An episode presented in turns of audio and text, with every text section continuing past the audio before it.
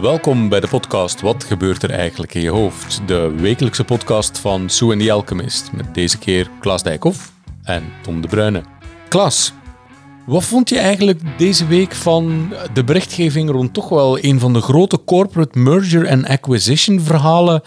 Ehm, namelijk de, de, ja, toch wel wat de fusie- en mergergesprekken tussen GroenLinks en de PvdA.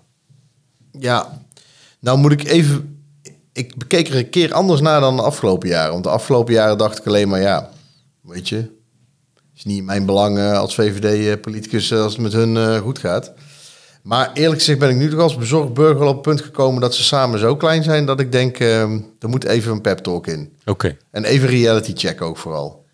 Want ik weet niet hoe het met jou zit, maar ik denk dat het heel dom is om de hele tijd over jezelf te blijven praten.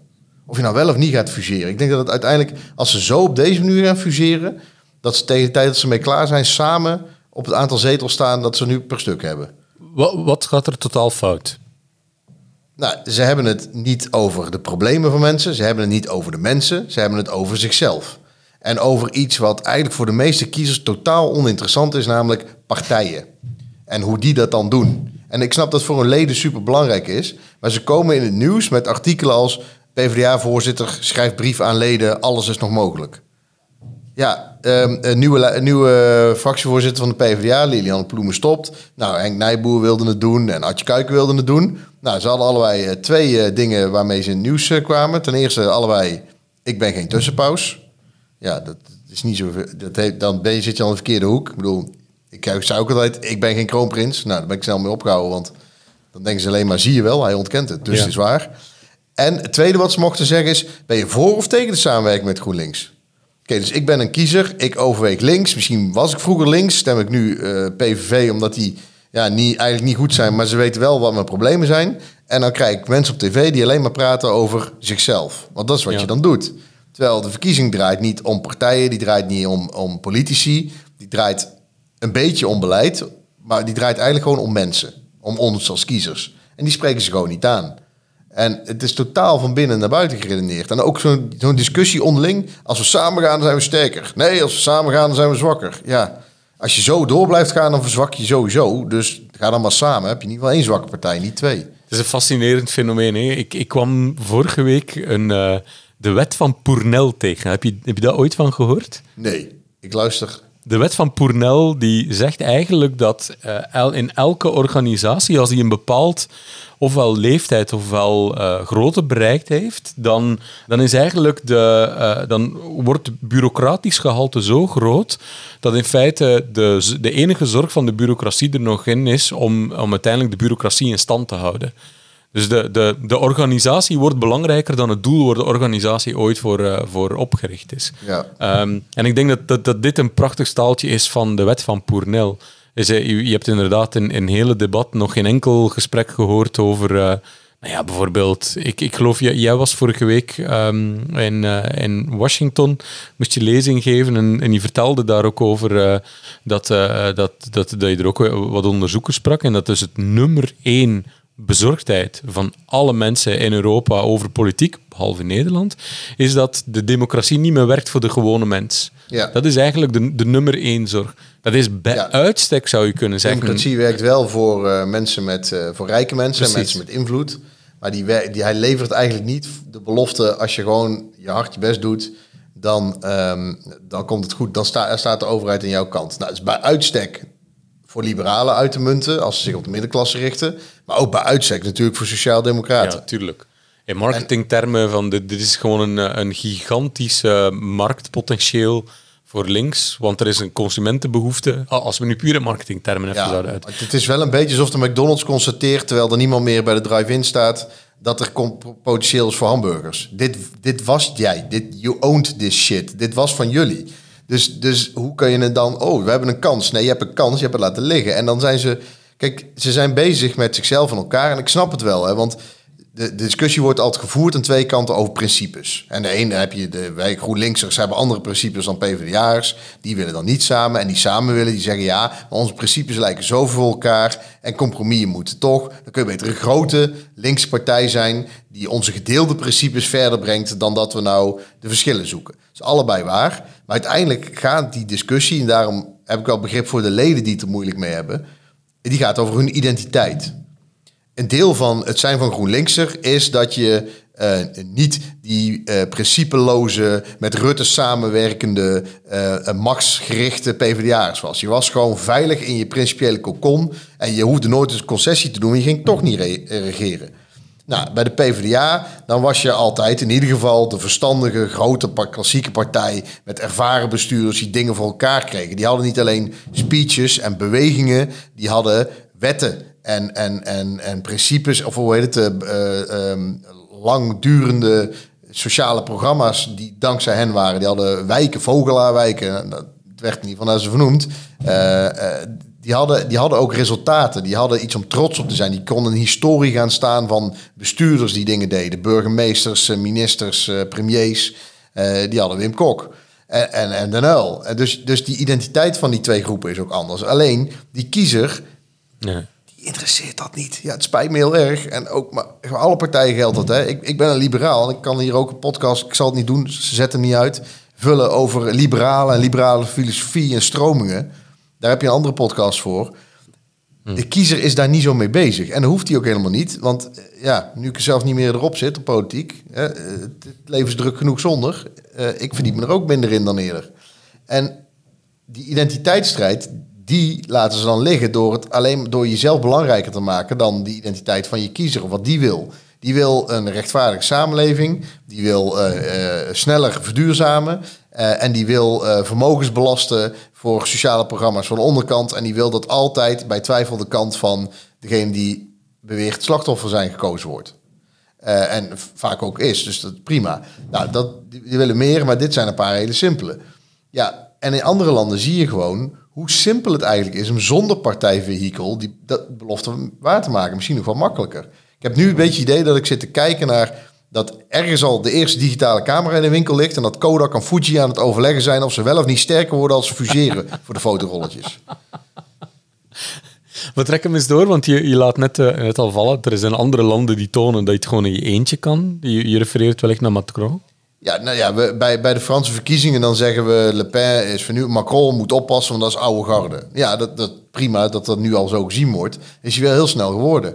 Want een paar jaar geleden keek hij naar zijn partij en dan dacht hij, ik kan proberen deze partij te leiden, maar die heb, delen mijn visie niet en dadelijk word ik het niet. Weet je, kan het ook, die is gewoon gaan kijken naar zijn partij niet als een essentiële machine om kiezers te bereiken, maar gewoon als ballast. Met leden die hem tegen zouden houden in zijn vernieuwing, met structuren, met baasjes op afdelingen die allemaal mee moesten krijgen. Terwijl hij eroverheen, hij had een beweging, hij had enthousiaste mensen die hem volgden, die, die genoeg hem wilde inzetten. Met social media en gewone media heb je heel snel een groot bereik. Uh, Macron is, heeft het zonder zijn partij gedaan, heeft een nieuwe partij opgericht. Kon daardoor eigenlijk niet meer bij zijn oude makkers uh, op links terecht. Dus hij is in Europa maar lid geworden van de Liberalen. Nou, meer zetels voor die groep. Dus uh, ja, helpt ook. En, en andere, in Slovenië, daar werd, uh, die, die verkiezing werd gewonnen en de Nederlandse pers moest nog, gaan googlen wie het eigenlijk waren. Weet eigenlijk nog steeds niet, want het was uh, Golop, volgens mij. 20 jaar uh, raads, gemeenteraadslid al. Ooit wel een keer staatssecretaris geweest, twee jaar. Uh, eigenlijk toen altijd een beetje een uh, vrijdenkende, jup, uh, jupperige liberaal. Nu links en groen. Nou, prima. Maar ja, die wint in een paar maanden tijd is hij bij een, bij een, bij een, bij een partij gegaan die een beetje op zijn gat lag. naam veranderd, nieuw elan erin. Klein groepje, goede campagne erop. precies aanvoelen waar mensen behoefte aan hebben. Eh, flink afstand genomen van de, van de mini-Trump die in het land aan de macht was. En je wordt gewoon de grootste partij met 35% van de stemmen. 35% van de stemmen hebben we het hier over. en, en ja, dat dus is toch iets anders dan de PvdA en GroenLinks. Die moeten proberen heel die historie samen te vlechten. En dan opgeteld op 20 zetels komen van 150. Dus, en, en, en, en, en, twee partijen die ook zo'n beetje... Ik ik denk dat elke partij ook wel wat um, soort... Hoe heet het? Zo'n levenscyclus heeft. En zijn twee partijen die een beetje op al wat op het einde van een levenscyclus zitten. Uh, het is niet dat zo'n cyclus niet opnieuw kan beginnen. Maar ja, je voelt natuurlijk dat, dat zo'n partij nu op dit moment door on, ongeïnspireerde, uh, veel meer partijtrouwelingen nu de, de, de lakens uitdelen. En al het fut en al het vuur uit de partij. Het doet mij heel erg denken aan Um, ja, in, in, wat dat betreft was België in, ja, misschien wel een beetje een soort gidsland in, uh, in, uh, in een perfect gelijkaardig verhaal. De Belgische socialisten, um, eigenlijk al twintig jaar een partij in, vol, in, vrije val. Um, Eén ja, partijbaron na de andere die het probeerde uit slop te trekken maar ofwel kapot ging aan interne strijd, ofwel uh, door de kiezer afgestraft werd voor ja, volstrekt gebrek aan vuur en inspiratie. En een partij die eigenlijk op de rand van de afgrond staat, dan maar besluit van weet je wat, fuck it, we geven de sleutels van de partij aan een jonge gast die het wel uh, het vuur heeft en, die, um, en die, die heel veel potentieel heeft. En eigenlijk een jongen zonder amper, met denk ik één jaar ervaring in het Vlaams parlement, Conor Rousseau, ja. pakt die partij beet en brengt daar een nieuw elan in en kan eigenlijk doordat, doordat hij ja, um, doordat hij niet hoeft rekening te houden met die oude bureaucratiegarde die vooral zichzelf in stand wil houden, een ja, ongelooflijk een uh, eigenzinnige koers kan varen. En nu ja, die partij echt volle bak weer, uh, of links volle bak weer leven in het blazen is. Ja. misschien moet het dan zo gaan dat Kodak en Fuji heel veel tijd besteden in samengaan. Alle nieuwsaandacht die ze krijgen, die toch al veel minder is dan vroeger, ook opgeteld dat die alleen maar gaat over wel of niet samenwerken, in plaats van over de zorgen van mensen en hun antwoorden erop. En mm. dat uit frustratie daarvan iemand opstaat en denkt, weet je wat, of ze nou samen één partij zijn of twee losse partijen, ja. ik ga er wel langs af, ik doe het wel zonder. En dat daaruit misschien een nieuwe beweging weer uh, geboren wordt. Maar ja, de, die kan ook zomaar populistisch links zijn. Hè? Want in Nederland denken we altijd... Een, een beetje zoals Kalishi uit Game of Thrones, die dan het vuur instapt met drie drakeneieren en eruit komt zonder schrammetje en met drie draken. Dus de vraag is, wie wordt de Kalishi? Wie is de linkse Kalishi? Linkse Kalishi, inderdaad. Komt ze uit de assen van de P van de A? Of uit de beerput? Frans Timmermans komt niet meteen bij me op in deze uh, Where are my dragons, ehm. Frans? Ja. Maar het is, ik vind het serieuze gevaar als bezorgde burger. In Nederland denken wij populisten aan, uh, aan Baudet en aan Wilders, tenminste mm ik wel. Um, en denken we aan rechtspopulisme, dat is vaak ook synoniem. Maar er zijn echt heel veel landen in Europa waar de traditionele uh, partijen, de Sociaaldemocraten, het zo hebben laten liggen, dat er gewoon linkspopulisten opkwamen. Ja. En dat is niet minder erg hoor, het is alleen duurder. Ja. Uh, maar, maar, dus ja, het is niet. Het, het, is niet gevaarloos als op links het misgaat. Dus ik hoop gewoon, weet je, doe iets, maar ga vooral beter zijn in, in, in, nou ja, in campagne voeren, maar ook in, in politiek bedrijven eigenlijk als als in, het gaat niet over jullie, het gaat niet over die partij, het gaat niet over de politici, het gaat over de kiezer en de zorgen van die kiezer. En jouw antwoord daarop.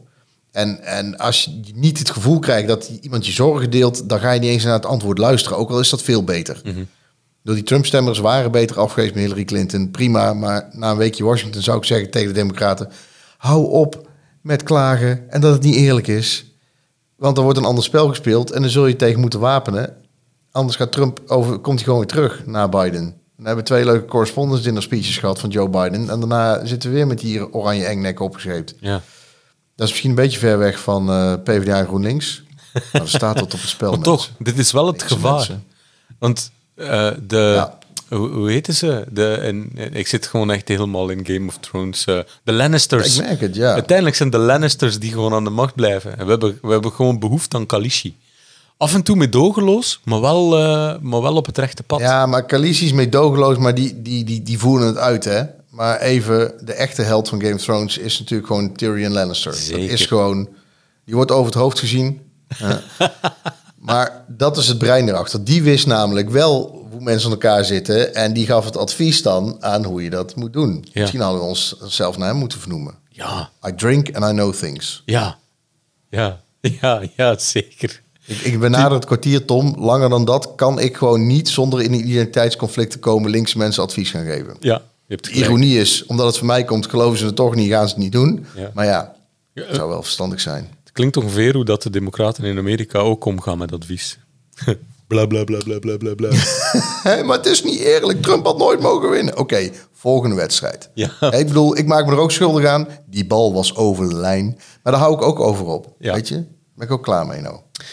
Ja, top. Volgens mij kunnen we het hiermee laten. Behalve natuurlijk dat we toch nog wel iets. Ja, ja wil, jij de, wil jij of de, de, savviness hebben van Tyrion, Tyrion Lannister. Of ben je misschien toch iemand die denkt, geef mij maar zo'n draak, die rijd ik wel. ik ben de nieuwe Khaleesi van de Lage Landen. Dan zul je wel beter moeten worden in framing dan je nu bent. Hoe goed je nu ook bent, het kan altijd beter. Ja. En Tom en ik gaan je daarbij helpen. Ja. Als je inschrijft. Ja, want toevallig hebben wij een tweedagse masterclass framing eind juni op een fantastische locatie. Twee dagen aan een stuk, echt waterboarding in framing tot je helemaal gek wordt. En eh, de URL is sata.rocks, rocks als in hard rocks of stenen, sata.rocks slash framing. Ja, als ik hem niet al gaf, dan zou ik me inschrijven. Ja, ik, ik wou dat ik mezelf niet was, dan kon ik mij inschrijven.